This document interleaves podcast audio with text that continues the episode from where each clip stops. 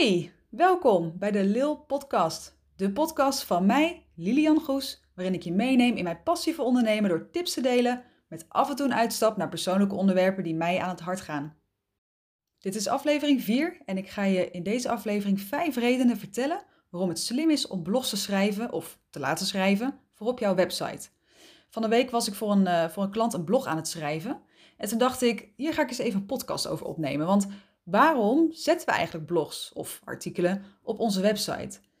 Je uh, vindt op websites van bedrijven niet meer alleen informatie over het bedrijf zelf en wat ze leveren, hè, wat misschien tot tien jaar geleden zo'n beetje vaak wel zo was, maar ook heel veel andere content, waar blogs een heel groot onderdeel van zijn.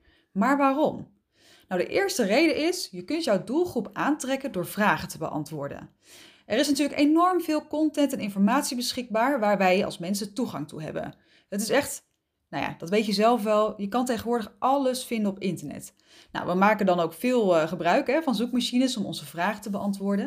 Nou, dat zul je misschien zelf herkennen. Ik doe het zelf ook. Maar dus ook jouw doelgroep. Dus wanneer jij in een blog het antwoord kan geven op een van deze vragen, kan het zomaar zijn dat jouw doelgroep op die manier op jouw website terechtkomt. Let maar eens op wanneer je zelf iets, iets opzoekt op Google. Dus stel jij zoekt op uh, trapschilderen de kans is groot dat je op een blog van een bouwmarkt of een traprenovatiebedrijf uh, terechtkomt waar ze je uitleggen hoe je dat dan zou kunnen doen. Een soort tutorial zul je dan waarschijnlijk vinden. Nou, dat maakt dus wel, het is ook zinvol, belangrijk, om blogs te schrijven die aansluiten bij wat jij verkoopt. Dus stel jij bent boekhouder en je hebt een blog over, nou, ik noem maar iets, tafelkleden. Ja, dat schiet natuurlijk niet op, want degene die dan iets heeft gezocht van tafelkleden, die komt op jouw website die leest misschien wel die blog, maar die is niet op zoek naar een boekhouder. Waarschijnlijk. Misschien wel, maar die kans is natuurlijk klein. Dus die zal verder helemaal niet op jouw website gaan kijken. En dat is natuurlijk jammer, want dat is één van de doelen van bloggen. Nou, de tweede reden is om jouw website hoger te laten ranken in zoekmachines. Dus jouw website beter vindbaar te laten zijn. Um, het schrijven van, van sterke blogs, en ik zeg sterk en dat leg ik straks verder even uit, maar uh, dat kan ervoor zorgen dat jouw website beter gevonden wordt in zoekmachines. Daar zijn meerdere redenen voor. Eén daarvan is bijvoorbeeld dat Google vindt het belangrijk dat websites actief zijn. Um, des te groter de kans, namelijk als een website actief is, dat deze website relevant is voor de gebruikers van Google. Het plaatsen van nieuwe content helpt hier dan ook bij. Dus blogs vallen onder nieuwe content. Als je dus regelmatig nieuwe blogs schrijft, laat je zien dat, je, dat, je, dat er ja, activiteit plaatsvindt op de website. Daarnaast kun je door het schrijven van blogs kun je de interne linkbuilding van jouw website verbeteren. Je kunt bijvoorbeeld ergens anders op je website kun je verwijzen naar je blog of andersom. Als je bijvoorbeeld een, een, call to action in je blog verwerkt um, en vervolgens een linkje daarin uh, verwerkt waar, waar, nou ja, waarbij je stuurt naar bijvoorbeeld welke diensten je aanbiedt. Ik noem maar even iets.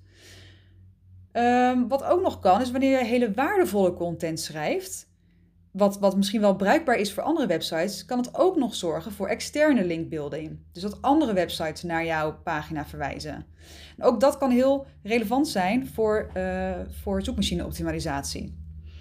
Het schrijven van SEO-teksten helpt vervolgens natuurlijk om jouw blog veel beter vindbaar te maken in zoekmachines. Maar, en daarom kom ik weer eventjes terug op wat ik op het begin zei hè, met sterke blogs Belangrijk hierbij is wel dat je nooit blogs moet schrijven met als enige doel vindbaarheid. Want voor Google is het van veel meer belang dat jij waarde toevoegt. En doe je dat niet, dus doe je alleen maar een artikel of een blog schrijven, puur gefocust op vindbaarheid, waarbij je heel veel zoekwoorden in verwerkt, nou, et cetera, dan kan dat uiteindelijk juist een negatief effect hebben op je vindbaarheid. Dus dat, dat wil je natuurlijk niet. Nou, ga ik door naar de derde reden. En dat is dat je een blog kunt schrijven om, om jouw expertise te laten zien. Want op jouw website kun je natuurlijk beschrijven wie je bent en wat je doet, maar dat zegt nog weinig over het niveau van jouw expertise. En door blogs te schrijven kun je jouw doelgroep voorzien van tips en informatie. En door deze tips en informatie te delen, laat jij weer zien wat je in huis hebt en dus ook waarom iemand voor jou zou moeten kiezen. Jij weet natuurlijk wat je kan en door te bloggen kun je dat ook aan anderen vertellen. Dat kan dus heel waardevol zijn. Nou, de vierde reden is dat een blog heel deelbaar is. En wat ik daarmee bedoel, is deelbaar op social media. En nou, de kans is natuurlijk groot dat je social media gebruikt. Ehm, hoe makkelijk is het dan om een linkje van jouw blog te delen op bijvoorbeeld LinkedIn of Instagram? je hoeft maar een hele korte, inleidende tekst te schrijven. En op die manier zorg je weer voor meer conversie naar jouw website. Zeker als jij natuurlijk sterke blogs schrijft, hè, met, met die heel relevant zijn en, en heel waardevol zijn voor mensen. Nou, op die manier breng je ook jouw dienstverlening of je product weer even onder de, de aandacht bij jouw connecties. En wat natuurlijk nog mooier is, is wanneer jouw connecties jouw blog vervolgens weer delen, omdat het zo waardevol is. Nou, hoe waardevoller jouw blog, hoe groter de kans dat mensen erop klikken en misschien er ook interactie ontstaat onder het artikel. Hè? Dus dat mensen bijvoorbeeld reageren, waardoor weer nog meer mensen het kunnen zien. Nou, ga ik naar de vijfde en tevens de laatste reden. En dat is, laat jezelf en jouw bedrijf zien in jouw blog. Want wie ben jij? Je hebt misschien wel een stukje over, over ons of, over mij op je website staan. Maar ehm, in een blog kun je dat ook heel mooi terug laten komen. Want nou ja, wat ik zei, wie ben jij? Wat is de missie van jouw bedrijf? En je hoeft daar natuurlijk niet per se hè, zo letterlijk een blog over te schrijven. Kan natuurlijk wel. Maar je kunt het wel laten doorcijpelen in jouw blogs. Dus om een voorbeeld te noemen, heb jij misschien een no-nonsense mentaliteit of ben je juist wat zachter? Nou, dit zal natuurlijk de manier van het schrijven hoogstwaarschijnlijk beïnvloeden. En dat is dus helemaal niet erg, want zo weet jouw doelgroep wie jij bent en zul je dus ook eerder jouw ideale klant aantrekken. Dus ik zal nog even heel kort alle vijf redenen herhalen. De eerste is dus, je kunt je doelgroep aantrekken door vragen te beantwoorden. De tweede is, je kunt jouw website hoger laten ranken in zoekmachines. De derde is, je kunt je expertise laten zien door middel van blogs. De vierde is dat de blog deelbaar is.